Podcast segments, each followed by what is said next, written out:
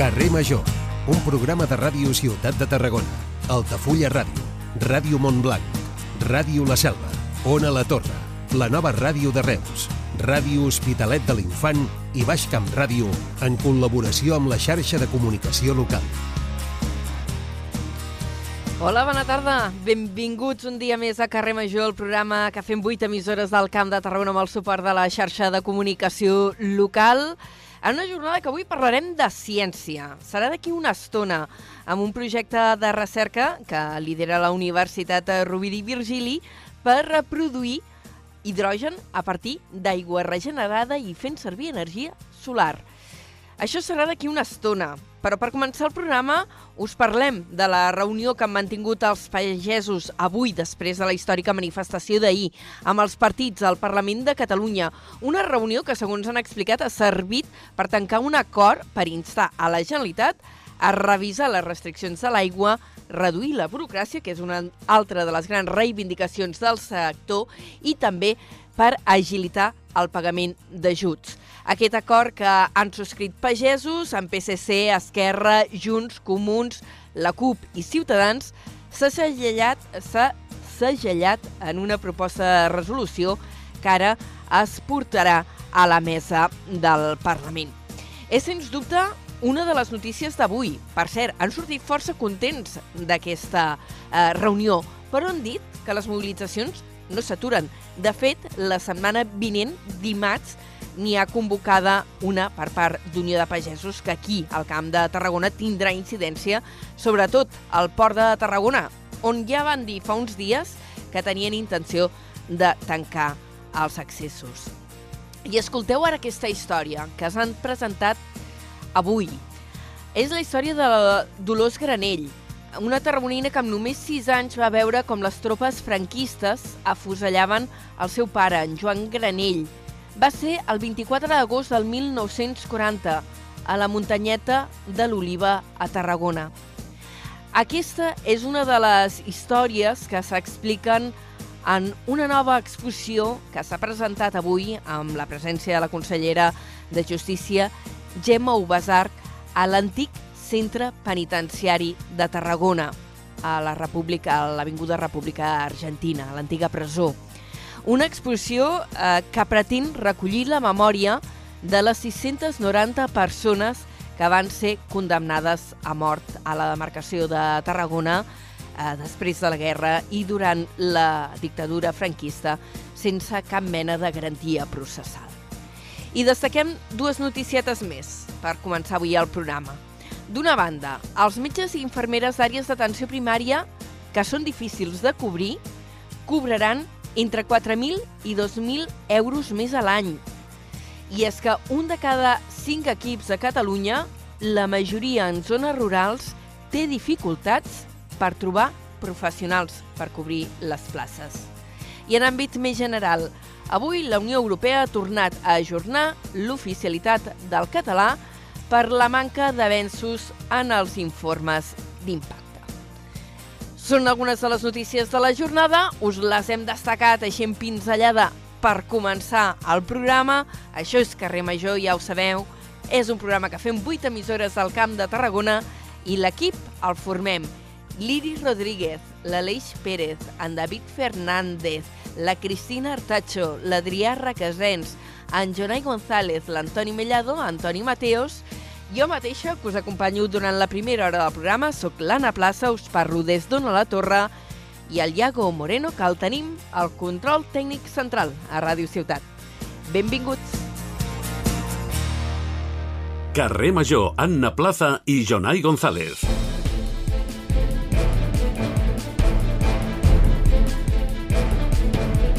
Són les 4 i 7 minuts i ara és el moment de fer un repàs de les notícies del Camp de Tarragona. Ho fem a, per començar en forma de titulars i saludem el Jonai González. Jonai, bona tarda. Molt bona tarda. Després de la històrica mobilització d'ahir a més de 2.000 tractors paralitzant Barcelona, avui una representació de la pagesia s'ha reunit amb els partits al Parlament de Catalunya. El sector ha aconseguit el compromís de les formacions polítiques per instar la Generalitat a revisar les restriccions d'aigua, reduir la burocràcia i agilitzar el pagament d'ajuts. S'ha inaugurat avui a l'antiga presó de Tarragona una exposició que vol donar a conèixer l'origen històric de l'edifici i explicar l'ús que va tenir durant la dictadura franquista i les condicions de vida dels reclusos. El recinte es ressignifica així com a centre cultural, espai de memòria i està també obert a la ciutadania. El Senat ha aprovat una moció de Junts perquè el govern espanyol acabi el corredor mediterrani l'any vinent, el 2025. En aquesta moció també es reclama una solució definitiva per fer passar els trens de mercaderies per l'interior del Camp de Tarragona. Arrenquen les obres de l'Ecoespai de Miami Platja amb un pressupost de 2,2 milions d'euros. Es tracta d'un equipament dissenyat amb la finalitat de promoure l'eficiència energètica i la sostenibilitat ambiental. En política destacarem que el grup d'en Comú Podem Tarragona suposa a la forma, a les formes que ha utilitzat el govern local tarragoní per ubicar estudis esportius a la tabacalera. Tot fa indicar que la proposta podria rebre el suport suficient del plenari per tirar endavant després que en la comissió d'aquest dimecres hi votessin a favor Junts, Esquerra, a més del PSC. I també tractarem notícies del Baix Gaià, farem la crònica del ple de l'Ajuntament de Torredembarra, on avui s'ha aprovat el pressupost d'enguany amb el suport dels tres partits a l'equip de govern i l'abstenció de la CUP. Les altres formacions hi han votat en contra. I d'altra banda estan avançant els tràmits perquè la casa del director de l'Albert d'Altafulla passi a mans de l'Ajuntament. Quan ja sigui propietat municipal, s'hi farà una reforma per acollir serveis per al jovent de la vila. I en esports destacarem que el Reus Deportiu Virgínies visita avui Calafell en la cinquena jornada de la Champions League d'hoquei patins masculina. El seu objectiu és sumar els primers punts a la fase de grups amb aquest derbi després de no haver guanyat cap partit. I en cultura, fins a diumenge 25 d'aquest febrer, totes les companyies emergents del país poden participar en la segona convocatòria d'estrenat al territori. Es tracta d'una ajuda que impulsen cinc sales privades situades fora de Barcelona, entre elles la Sala Trono de Tarragona. Doncs són les notícies que ampliarem d'aquí una estona a l'informatiu, d'aquí una mitja hora, una mica més o menys. Jonai, tornem a xerrar després. Fins ara. Fins ara, adeu. Adeu.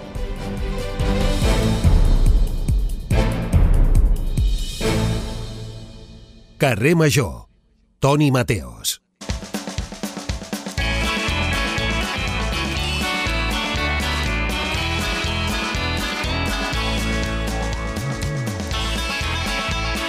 Hello, Mateos. Ah, hi ha una plaça que quasi... Que... Ai, se m'ha oblidat, estava escrivint aquí, escrivint Què? el guió, i, se, i se m'ha oblidat, dic- i he mirat el rellotge i dic, ui, les 4 i 9 minuts, calla, espera. Corre, corre, corre, corre, corre, corre. Ui, ui, no tenia posat Escolta, el, que estàs la ràdio. encostipat.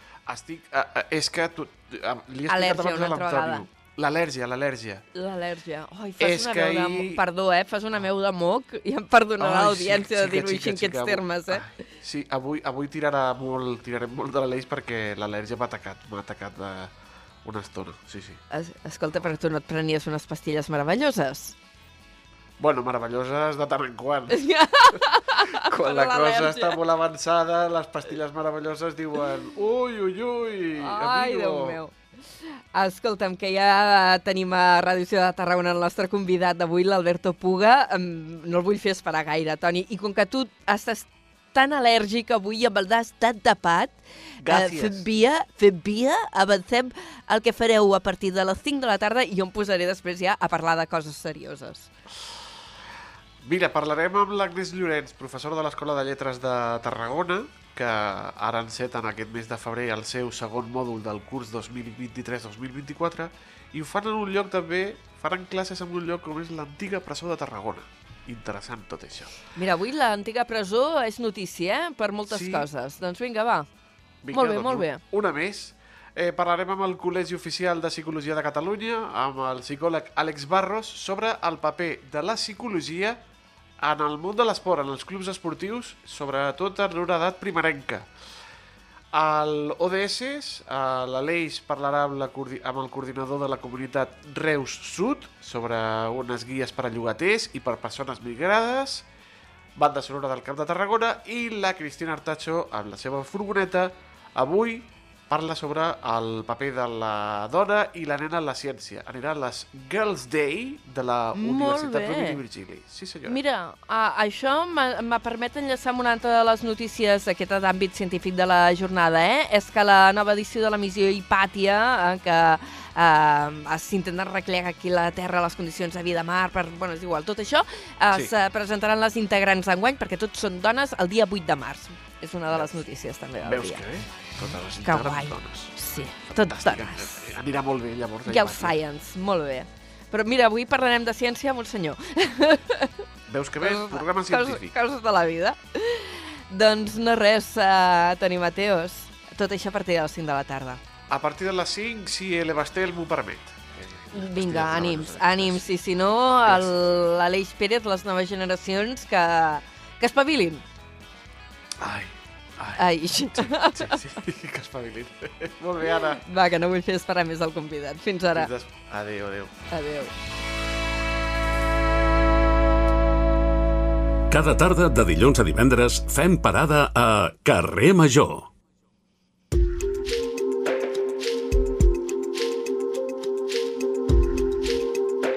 Un minutet i serà un quart de cinc de la tarda i anem ara cap als estudis de Ràdio Ciutat de Tarragona. Allí ja fa una soneta que ens hi espera. El nostre primer convidat d'avui a Carrer Major és l'Alberto Puga. És investigador al Departament d'Enginyeria Química de la Universitat eh, Rovira i Virgili i l'hem convidat perquè ens parli d'un prototip que han dissenyat per produir hidrogen a partir d'aigua residual. Senyor Puga, benvingut al programa. Hola, moltes gràcies. A veure, ho hem de, aquí hem de parlar mm, de producció d'hidrogen que podríem dir que més verda no pot ser. D'una banda perquè fem servir aigua residual i de l'altra banda perquè per produir-lo no feu servir electricitat, que és el que es fa normalment amb, eh, amb, amb el sistema convencional, sinó eh, que utilitzeu radiació solar. Sí, és així, com dius. Eh, són les, ho has resumit molt bé, són les dues eh, característiques principals del nostre, del nostre procés. Eh, I bé, l'hidrogen verd es produeix a partir d'aigua pura, purificada. De fet, es necessita purificar bastant perquè, perquè no hi hagi problemes amb el, amb el procés. És un procés d'electròlisi que necessita electricitat. Eh, I aquesta electricitat pot, pot venir de, per exemple, de fonts renovables, inclosa la solar. Però el nostre procés és, és una mica diferent. És, és eh, com bé dius, fem servir aigües residuals de diferents tipus i la, el procés no és, eh, no és un, una electròlisi, no necessita un sistema de, electroquímic, sinó que és un sistema solar eh, de conversió directa. Eh, és un sistema, es diu, la tecnologia en concret es diu eh, fotocatàlisi. Sigui, el que fa mm. és eh, eh, fer servir un material, un fotocatalitzador que absorbeix la llum solar i és capaç d'aprofitar l'energia de, la, de la llum solar directament per mm, doncs, portar a terme processos, canvis, processos químics. I, i el, que, el que fem nosaltres és eh, transformar els contaminants que hi ha en aigües residuals directament eh, en hidrogen. Uh, parleu d'aquest uh, fotocatalitzador. Uh, aclarim una miqueta termes. Uh, un catalitzador és un element uh, que ens permet facilitar una reacció química, uh, és així, en aquest sí. cas a través de la llum. Uh, però quin tipus de material és que, que té aquesta propietat que gairebé ens sembla màgica? Sí, bueno, són, uh, sí, és així com diu, són materials que mm, s'han estat desenvolupant bé durant, du- durant uh, uns anys. Nosaltres en concret doncs, hem començat a treballar en, uh, en aquest tipus de materials o vam començar ara fa uns anys, bé, gairebé 10 o 12 anys, eh, i n'hi ha de, de diferents tipus. La, mm, i són, eh, són relativament ben coneguts, però tampoc són, són materials, diguem, eh, no són convencionals. Tampoc són màgics, però no són, no són materials convencionals. No? Llavors, eh, eh, és cert que la, el que hi ha, els fonaments científics que hi ha al darrere són força coneguts i no són molt diferents que els materials que, que es fan servir per, eh, doncs per panells fotovoltaics, per exemple. Al final estan basats en semiconductors que eh, dintre de les moltes propietats que tenen, una d'elles és que són eh, fotoactius, o sigui que poden absorbir la llum, eh, llum en general, pot ser llum solar o pot ser altre tipus de llum, i eh, generar eh, unes, unes càrregues elèctriques, que aquestes càrregues poden, poden al final, si, si les pots canalitzar d'una manera adequada, doncs es poden fer servir o bé per produir electricitat, seria el cas dels panells eh, o mm, les plaques solars eh, típiques, convencionals que, to que tothom coneixem, fotovoltaiques, o en el dispositiu que nosaltres eh, hem dissenyat, aquest material no està, no està um, connectat a un sistema elèctric, sinó que està dipositat directament en una superfície irradiada al sol i per sobre li fem passar les aigües residuals i això és suficient per, uh, perquè aquestes, uh, aquestes càrregues elèctriques que generen en el material in situ puguin descontaminar l'aigua i a la mateixa vegada produir l'hidrogen. És un win-win, això, no? Perquè estàs fent dos processos en un, pel que expliqueu, no? Perquè si aconseguiu netejar l'aigua i al mateix temps eh, produir hidrogen... Sí, mm, és, són, té dos... Aquest projecte bé, va començar, nosaltres vam començar a, focalitzat en la, a, focalitzats en la producció d'hidrogen. Eh, fent feina de recerca molt bàsica en quant a desenvolupament de materials, disseny de materials, eh, que fossin capaços d'aquests tipus de materials fotocatalitzadors basats en semiconductors de produir l'hidrogen. En el transcurs de les investigacions, doncs, eh, vam, en un moment donat, vam pensar que les, eh, això es podia fer servir per, per utilitzar aigües residuals directament. I d'aquí va sorgir un, d'aquí va sorgir tot. Vam començar fent proves al laboratori, vam veure que els resultats doncs, no eren gens dolents, Clar, d'aigües residuals n'hi ha de molts tipus, que bueno, això ja és una altra història, però... Mm, sí, eh, perquè clar, tenim les industrials, tenim les que exacte. sortirien del clavegaram, eh, mm. clar. Però totes tenen Funciona alguna... amb tot o no?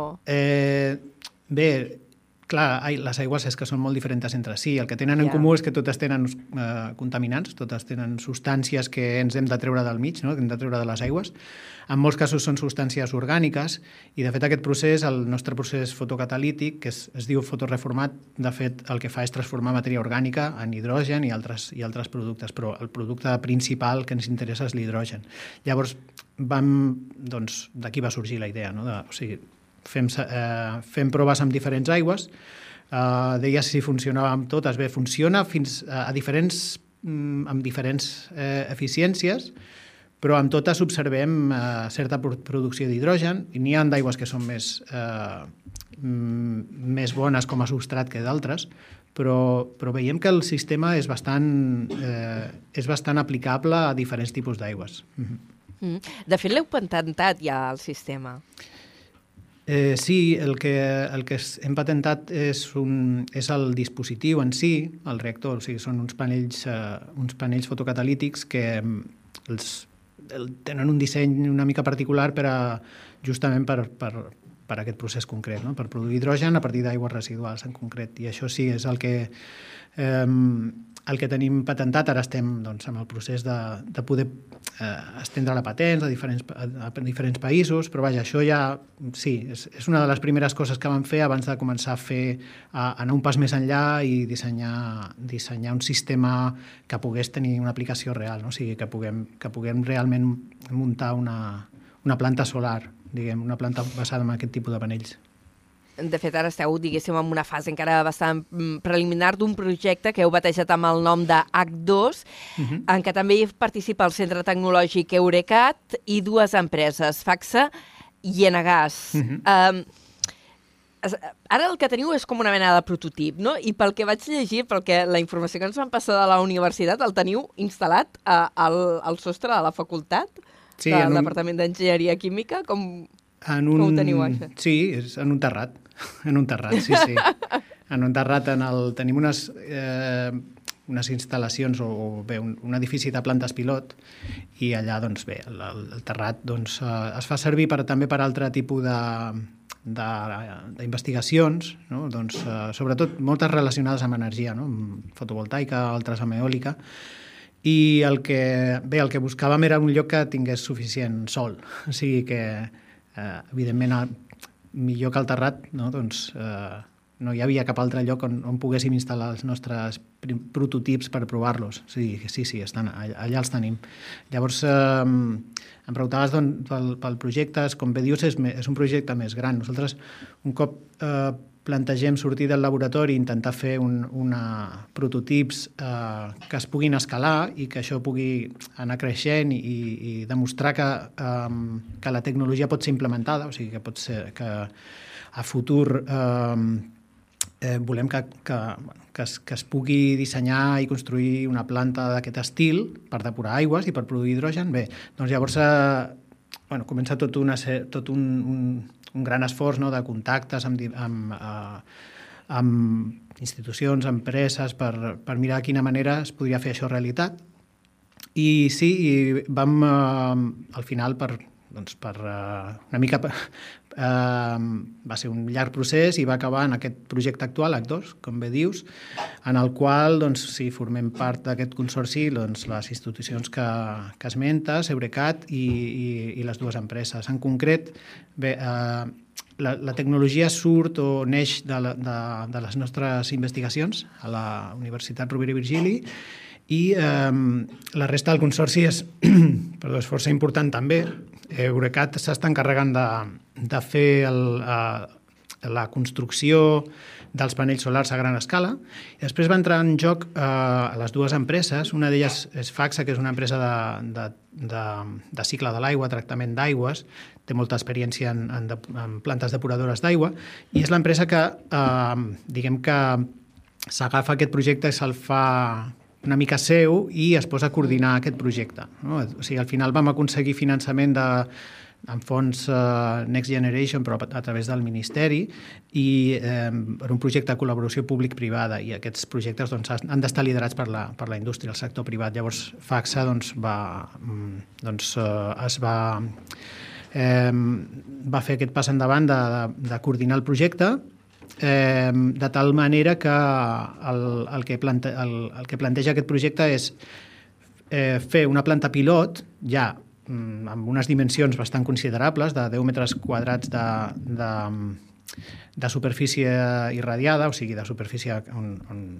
amb, amb, amb radiació solar, sí, eh, i això estarà, estarà construït, estarà instal·lat a instal·lacions de, eh, gestionades per Fax en una, en una depuradora, en concret a la depuradora de, a l'Eder de Granollers, Eh, I l'altra empresa que és Enagas, que bueno, és, és sí. ben coneguda, no? és, és l'empresa que, que gestiona la logística del gas natural al, en tot l'estat espanyol i la seva, clar, evidentment, la seva, el seu interès és en, el, en, en diversificar uh, fonts de, de, de producció d'energia renovable, gasos renovables, eh, que puguin substituir el, els, els fòssils, no? principalment el gas natural. Llavors, eh, doncs, també tenim molta sort de tenir a Enagas com a empresa sòcia en, en aquest projecte, estudiarà i el seu paper serà estudiar la viabilitat econòmica d'aquesta tecnologia. Perquè ara situem-ho, eh? Vull dir, fem així una mica de resum de, de, de, per acabar-nos de posar en situació. Ara teniu una mm, mini estació pilot al terrat d'un dels edificis de la Universitat Rovira i Virgili, que és petiteta, fa un metre quadrat, i aquest següent pas és fer ja una planta pilot que entenc que també el que vol és comprovar si a nivell industrial el sistema és rendible, funciona bé, eh, i que aniria directament a Granollers, dius, amb, amb una estació depuradora d'allí. Exacte, sí, perquè la idea és eh, eh, que es pugui fer servir doncs, directament in situ. No? O sigui, el, al final eh, l'ideal seria que, que aquesta tecnologia fos útil i, on, on més útil pot ser és en una depuradora. No? Llavors, el, plan, el que plantegem és que aigües de la depuradora puguin ser tractades directament allà. Eh? I bé, és una, ja és una instal·lació força gran. Evidentment, és una pilot, o sigui que mm, per nosaltres 10 metres quadrats ja és un, un, un gran un gran pas endavant, és molt més gran del que estem acostumats. Imagineu que en el laboratori treballem a una escala mm, en miniatura, pràcticament, no? I sí. en pràcticament un parell d'etapes hem passat a, a un, bueno, una escala que per nosaltres és com, no sé, és, és gegantina. No? Llavors, eh, nosaltres sí, ara, ara els prototips, aquesta primera, aquest primer com es, escalat, eh, aquest metre quadrat que dius, els estem prim, primerament validant a la, a la universitat, eh, però bàsicament amb el, amb el propòsit de, doncs de, de poder establir el, una, una rutina de funcionament, poder eh, anar mm, comprovant la, que tot funciona bé, tenir unes primeres dades d'eficiència, de, tenir un, una mica sortir d'allà amb un petit manual d'operacions que després pugui ser traslladat a una escala molt més gran en, el, en, el, en la planta pilot final. Eh, de l'hidrogen hem estat parlant bastant, o almenys els mitjans de comunicació se n'hem fent ressò amb una certa freqüència arran del projecte eh, de la Vall de l'Hidrogen de, de Catalunya, eh, però mm, perquè es planteja l'opció d'utilitzar-lo com a vector energètic per, eh, per produir energia i com a alternativa a les fonts renovables, eh, però mm, és una tecnologia que encara presenta incògnites, sobretot per aquests temes d'escalat i de l'energia que necessita el seu torn per produir-ho.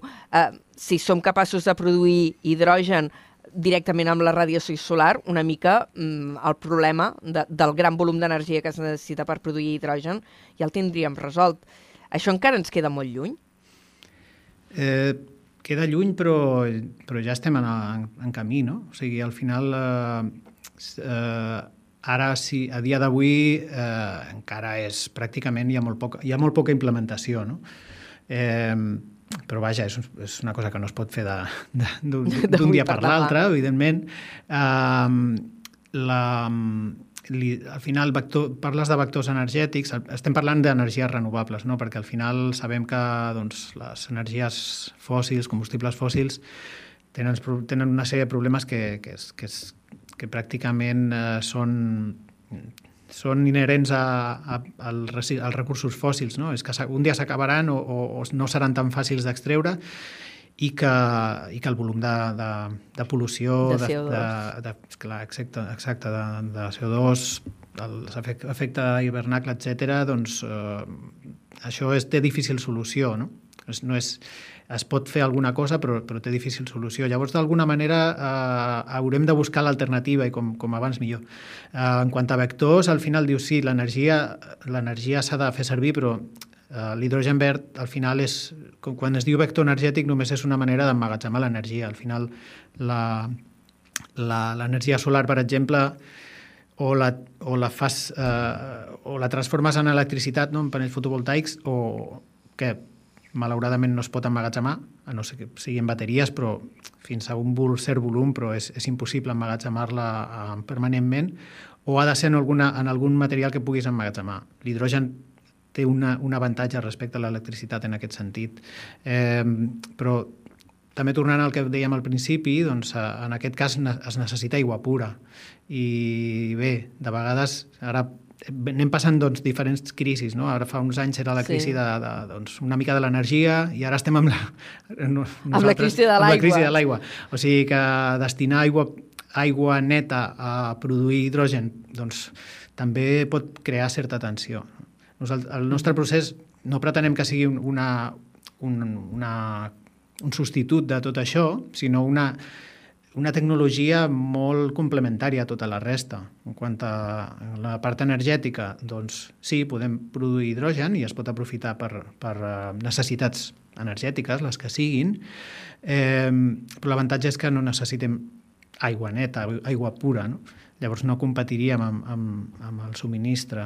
En canvi, eh, doncs, la, fem servir aigua, aigua residual directament. Llavors aquí enllacem amb l'altre amb l'altra cara del, de la nostra proposta, que és doncs, eh, el tractament d'aigües no? i la reutilització d'aigües. O sigui, mm -hmm. estem una mica en el mig dels dos mons i, evidentment, doncs, no, no és eh, tocant una mica de peus a terra. No, no volem solucionar tot d'una tacada, evidentment, sinó que ser com una, una I mica un parlant de plantes pilot, eh? Sí. Vull dir que, clar, això de que s'arribi Um, no sé si heu fet una estimació de quan podria tardar o quant de temps podria tardar a implementar-se a nivell industrial, perquè ja estem parlant d'una mini planta pilot que teniu a la universitat, d'una planta pilot ja una mica més gran eh, que es posarà en funcionament amb una depuradora per veure in situ eh, com funciona el sistema a Granollers, però això, perquè pugui arribar a nivell industrial, eh, quants anys eh, calculeu que podria tardar? Uf, això, aquesta pregunta em sembla que no sóc capaç de contestar-la. no seria capaç. T'agraeixo que em contestis amb aquesta franquesa. Se m'escapa una difícil, mica. No, però també, a veure, jo és una mica, és una, soc una mica rata de laboratori, no? O sigui, que llavors si em poses aquí amb, amb, amb, amb dilemes de... De- amb dilemes empresarials? De, de, de, no, empresarials em perdo un po, una mica. Però vaja... Eh, Oh, però també és la, la universitat ens van dir que eh, s'estava pensant en la possibilitat de convertir-lo en una empresa spin-off de la universitat. Sí, ara t'anava a explicar una mica. cosa- Exacte. Digues, a veure, digues. quan vam plantejar el, el, aquest projecte, evidentment, doncs, hi ha empreses, les empreses evidentment són empreses, o sigui que el seu interès és comercial, no?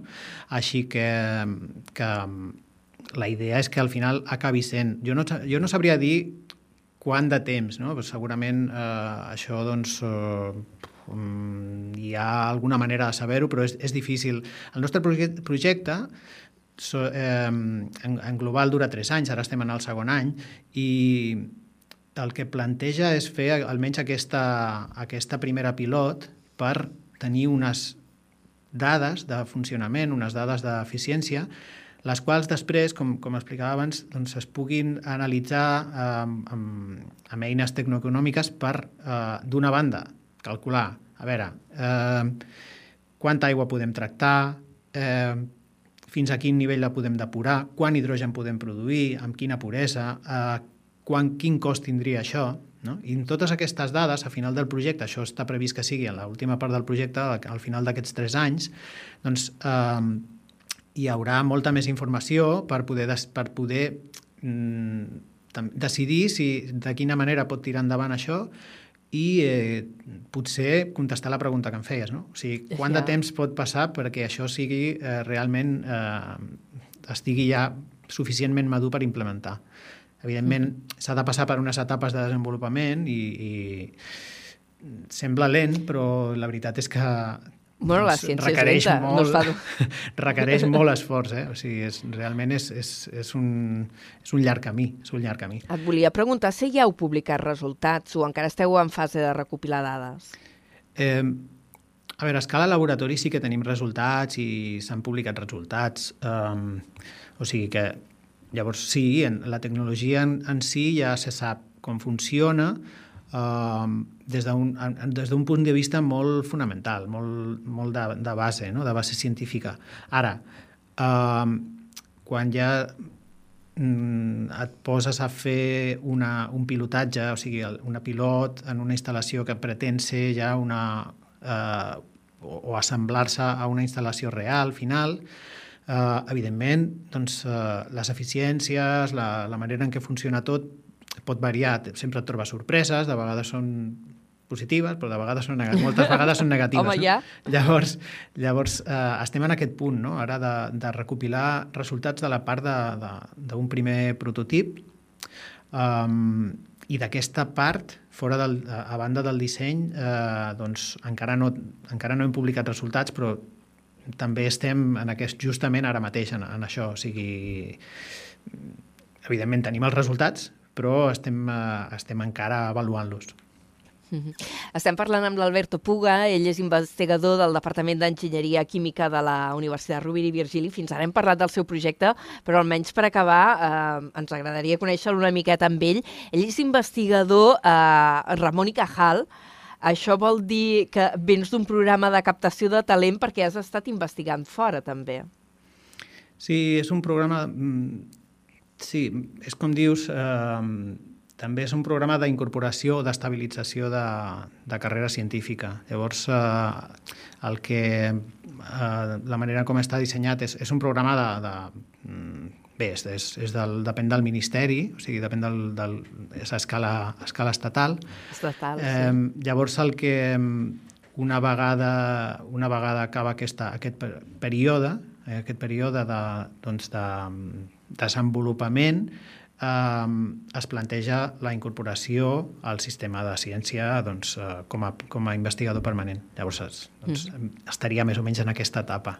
Eh, I sí, és cert que eh, per poder optar a, aquesta, a aquest tipus de contracte, d'ajut, eh, és necessari doncs, tenir un doctorat, evidentment, i haver eh, complert eh, un mínim de dos anys en, eh, fent recerca a l'estranger. Sí, és així. Jo, en el meu cas, jo vaig fer el doctorat a, a Barcelona, bueno, al, al, al, A l'Autònoma. a l'Autònoma, en un centre del, del CSIC, al Centre d'Investigació de, de Materials de Barcelona, i després me'n vaig anar al Regne Unit, bueno, a Belfast, a Irlanda del Nord, i vaig estar allà tres, uns tres anys i, i alguna cosa, eh, investigant, i després bueno, vaig tornar cap aquí, vaig estar a diferents llocs, no? Aquí a Tarragona, a València, i, i bé, i ara doncs, estic en, aquesta, en aquest període que, que, que parlàvem de, doncs, d'estabilització, de, estic en, en el camí per estabilitzar-me com, a, com a investigador permanent. Costa, eh? Sí, és, és, una, és una cursa d'obstacles, sí. No vull desanimar la gent, eh? que la gent que faci, la gent jove que faci ciència, que és una, una professió molt bonica, però és cert que, que és, eh, tens la sensació de que, de que has d'anar contínuament no? de, de, demostrant, demostrant que, que pots fer allò que, que, que vols fer. Però és, és, sí, és, és, és així, és un... Eh, també això, és, eh, evidentment, a la universitat doncs, es combina amb la docència i, i bé, és, és, és dur, però vaja, és, a la vegada és, un, és molt... Quan, quan les coses surten és, és molt, com es diu això, és, és, és una gran satisfacció. Moltes vegades doncs, hi ha molta frustració pel camí, però, però després quan les coses surten és, és, és molt bonic. Doncs ara teniu un projecte molt engrescador en marxa. N'hem parlat amb, amb l'Alberto Puga. Moltíssimes gràcies per haver vingut avui al, al programa a parlar-nos d'aquest prototip que tenen per produir hidrogen a partir d'aigua residual i fent servir energia solar. O sigui, més verd ja no, ja no podria ser. Moltíssimes gràcies i molta sort amb el projecte i a veure si es converteix en un spin-off, en una empresa nascuda de la universitat. Molt bé, moltes gràcies, Anna. Fins la propera. Adéu-siau. Adéu. Carrer Major, al Camp de Tarragona, des de ben a prop.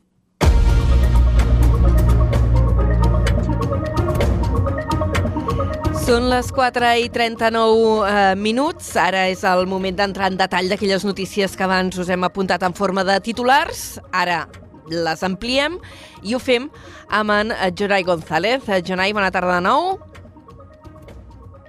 Ai, espereu, sempre em passa el mateix. No he dit res. Començo jo sola. Després de la històrica mobilització d'ahir amb més de 2.000 tractors paralitzant Barcelona, avui una representació de la pagesia s'ha reunit amb els partits del Parlament de Catalunya. El sector ha aconseguit el compromís de les formacions polítiques per instar la Generalitat a revisar les restriccions d'aigua, reduir la burocràcia i també agilitzar el pagament d'ajuts. L'acord s'ha fet amb el Partit dels Socialistes, Esquerra, Junts per Cat, CUP, Comuns i Ciutadans i s'ha segellat amb una proposta de resolució que ara s'ha de portar a la mesa del Parlament. Ara sí, saludem en Jonai. Jonai, bona tarda. Molt bona tarda de nou. Joan Rius, un dels representants dels manifestants, ha parlat de la necessitat de simplificar tots els tràmits burocràtics que han de fer i també ha reclamat que es paguin les ajudes pendents que en altres comunitats autònomes ja s'han liquidat i anem molt atrasats. S'ha pagat a moltes altres comunitats autònomes d'aquí a Espanya ja s'han pagat tots i aquí a Catalunya no s'han pagat. Per tant, demanem l'agilització d'aquests pagaments, dels ajuts. I, I el tercer punt, i no menys important, treballar conjuntament amb la resta d'institucions governamentals i legislatives competents per impulsar la racionalització de la burocràcia, amb els pagesos mobilitzats a les portes del Parlament aquest dijous, el conseller d'Acció Climàtica, David Mascort, s'ha compromès a treballar plegats amb el sector per a trobar solució al seu malestar. Uh, seguirem treballant per atendre totes les demandes del nostre sector primari. Segur que treballant plegats ens en sortirem, com sempre, en aquest país quan enfrontem els reptes de forma conjunta. La diputada d'Esquerra Republicana Alba Camps ha retret a Junts que es presenti com a salvador de la pagesia quan han ostentat competències durant gairebé 30 dels últims 40 anys. Ha dit que les mobilitzacions es traslladaran en accions concretes els pròxims dies i mesos. I tot i haver sortit satisfets d'aquesta reunió al Parlament, els pagesos han manifestat que la lluita continua i ho han fet amb aquestes paraules. Unes garanties de que, com a mínim, els grups parlamentaris d'aquí al Parlament es comprometen a intentar gestionar aquests punts, a més de tots els altres punts que ja sabem que, que, que també hi han, i, i vull dir, podem estar satisfets, tot i que la lluita no s'acaba, només es transforma i la victòria no existeix si no escrivim la història. De fet, la setmana vinent, concretament dimarts, Unió de Pagesos ha convocat una altra jornada de protesta. En el cas del Camp de Tarragona, el sindicat té previst tancar els accessos al port de Tarragona.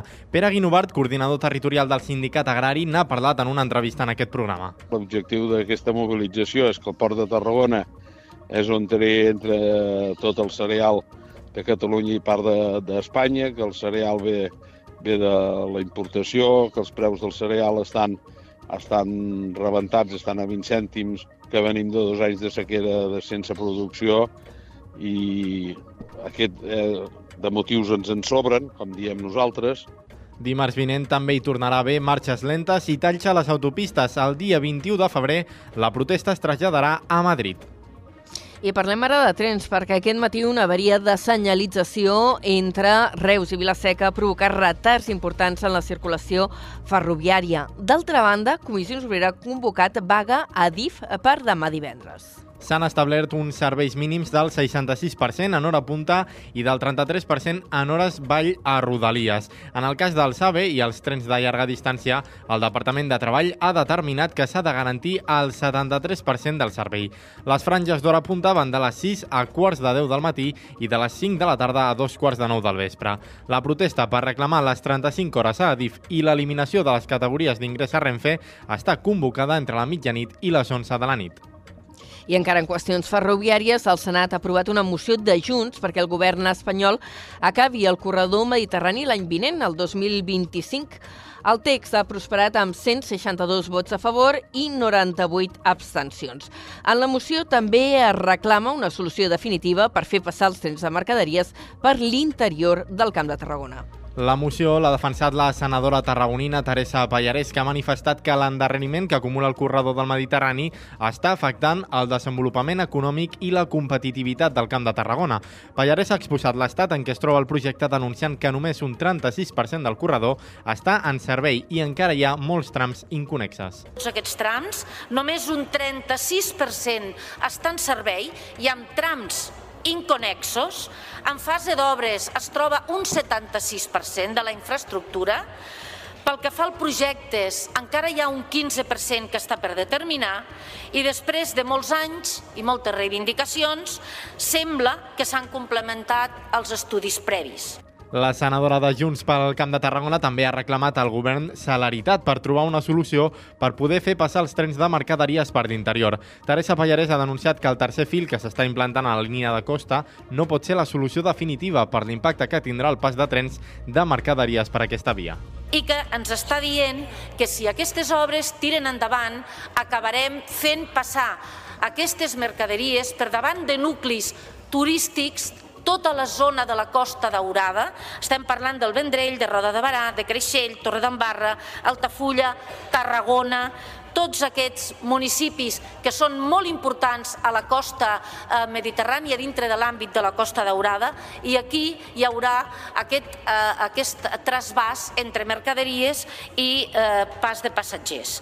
Finalment, Pallarès ha lamentat que el trànsit ferroviari de mercaderies a l'Estat només és del 5%, quan la Unió Europea fixa que el 2030 s'hauria d'haver arribat al 30%. I avui la consellera de Justícia, Gemma Ubasar, ha inaugurat a l'antiga presó de Tarragona una exposició que vol donar a conèixer l'origen històric de l'edifici i explicar també l'ús que va tenir durant la dictadura franquista i la repressió que hi va haver. El recinte es resignifica així com a centre cultural, espai de memòria i resta obert a la ciutadania. Ens ho explica des de Ràdio Ciutat de Tarragona la Irene Urbistondo. El centre penitenciari va entrar en funcionament l'any 1953 i va ser un dels principals escenaris de la repressió franquista. La consellera de Justícia, Dret i Memòria, Gemma Ubassart, remarca la importància d'aquesta mostra i l'impacte que pot tenir en els visitants més joves.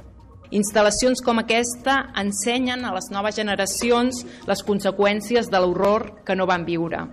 Ens ensenyen a ells i a elles i a tots nosaltres la importància de gaudir d'un règim de drets i llibertats on no correm el risc d'acabar tancats aquí dins per pensar diferent. Fer memòria és cuidar la democràcia com un tresor irrenunciable, construint dia a dia un futur compartit de llibertat. La consellera de Cultura, Sandra Ramos, ha explicat que des de l'Ajuntament, amb el programa de Memòria Democràtica, no deixaran de treballar perquè ningú caigui en l'oblit i afegeix que el restabliment de la dignitat a la ciutat és un deure moral i una obligació. Una petita part de l'exposició parla de Joan Granell Martorell, un dels 690 fusellats de la província arran d'un procediment sumaríssim. Maria Dolors Granell Pagès, la seva filla, que ara té 90 anys, ha assistit a l'acte de presentació i s'ha emocionat mentre explicava com va presenciar la mort del seu pare quan tan sols tenia 6 anys, un record que l'ha marcat de per vida.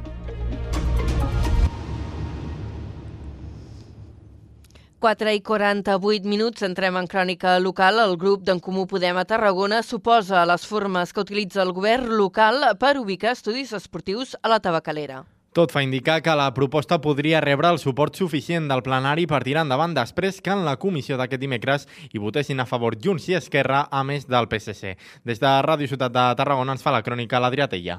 La Tabacalera podria acollir un centre d'estudis universitaris dedicat al món dels esports. Així es votaran al plenari del pròxim 16 de febrer després que aquest dimecres, en la Comissió Municipal de Mobilitat, es donés llum verda a la proposta de l'equip de govern per establir aquesta opció al mòdul 5 de l'antiga fàbrica de tabac. La idea és impulsar un concurs públic que permeti externalitzar aquest espai. Tot apunta que seria l'Escola Universitària de la Salut i de l'Esport l'empresa privada que es faria amb una concessió que serà per 40 anys. La idea és que els primers 20 no pagui el cànon estipulat a l'Ajuntament a canvi de fer-se càrrec de la inversió per adequar les instal·lacions. Després, el cànon mensual seria de gairebé 18.000 euros, que deixaria al consistori uns 212.000 euros a l'any.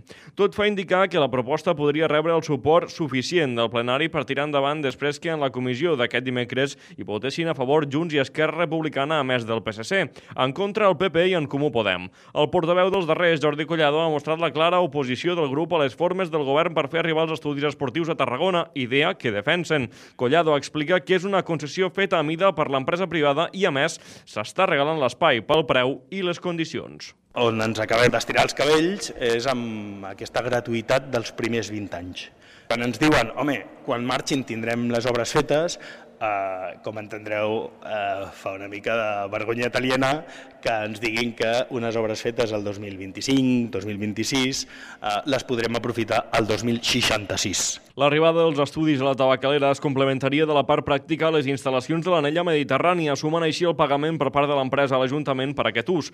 Però en com ho podem assegurar que amb el preu habitual això no arribaria als 10.000 euros a l'any. Moltes gràcies, Adri. Ens seguim movent pel territori. En crònica local, l'Ajuntament de Reus, el primer Ajuntament del Camp de Tarragona, en sumar-se al programa Consolidat.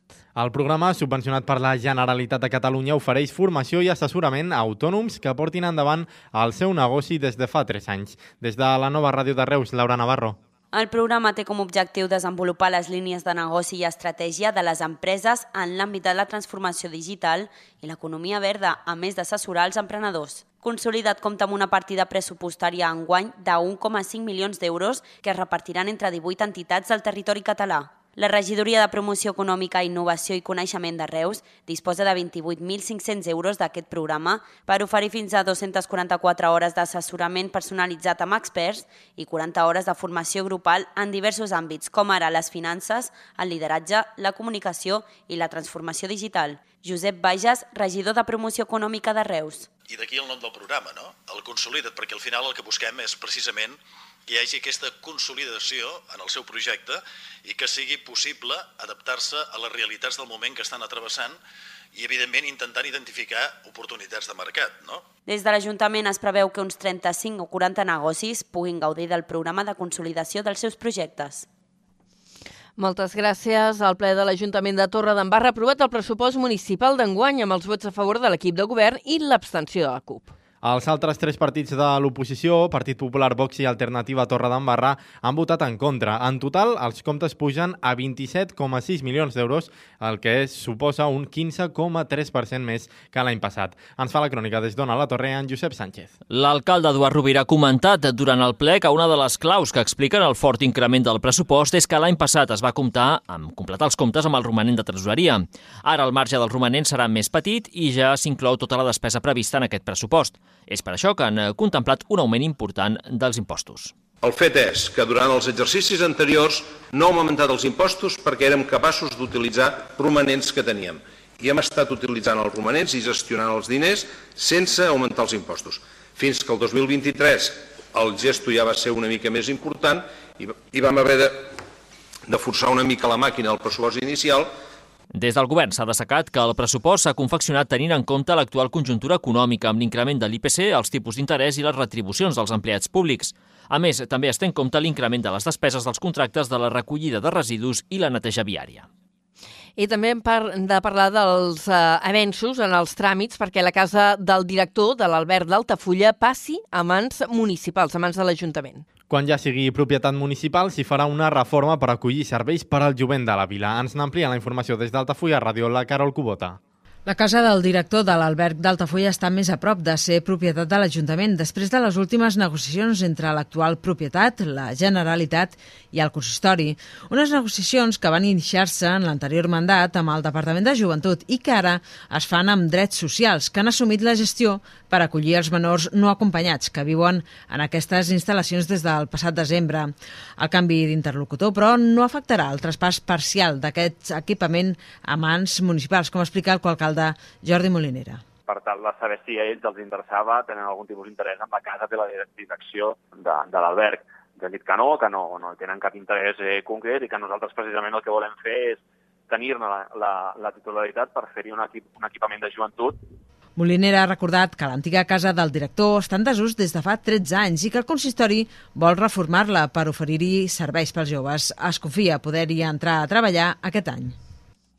Moltes gràcies i anem ara al sud del Baix Camp perquè han arrencat les obres de l'Ecospai de Miami Platja amb un pressupost de 2,2 milions d'euros. Es tracta de construcció del nou equipament que s'executaran els treballs de construcció del nou equipament, perdó, eh, s'executaran en nou mesos. Es tracta d'un equipament dissenyat amb la finalitat de promoure l'eficiència energètica i la sostenibilitat ambiental.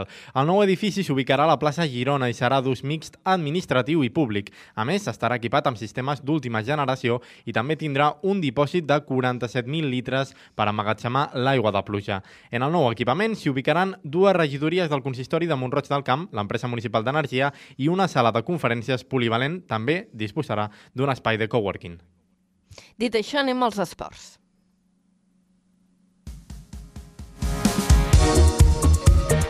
I comencem explicant que el Reus Deportiu Virgínies visita avui Calafell en la cinquena jornada de la Champions League d'hoquei patins masculina. El seu objectiu és sumar els primers punts a la fase de grups després de no haver guanyat cap partit. Ens fa la prèvia des de la nova ràdio de Reus, la Laura Navarro. Partit complicat pel Reus Deportiu Virgínies, que es batrà amb el Calafell en cinquena jornada de la fase de grups de la Champions League d'hoquei patins masculina. I ho fan en el pitjor escenari possible, amb 0 punts als 12 possibles en l'anomenat grup de la Morc, amb Benfica i Sporting de Portugal. L'objectiu, doncs, és de tornar a recuperar sensacions davant un rival que encara somia amb arribar als quarts de final amb la màxima competició europea. Les claus del partit passaran per donar continuïtat al bon rendiment de David Gelmà, un dels millors jugadors d'aquesta temporada, i per l'entrada de Guillem Jansà a la dinàmica del primer equip. Diego Rojas és jugador del Reus Deportiu Virginias. Estar un tiempo fuera te hace volver con más ganas, con, con muchas ganas y afrontar con todo el partido que viene. Venimos entrenando muy duro y queremos llevar nuestros tres puntos aquí en casa con nuestra afición, que son muy importantes. Por más que estemos eliminados, siempre el Reus tiene que ganar. Tot a punt per un nou derbi provincial amb regús europeu.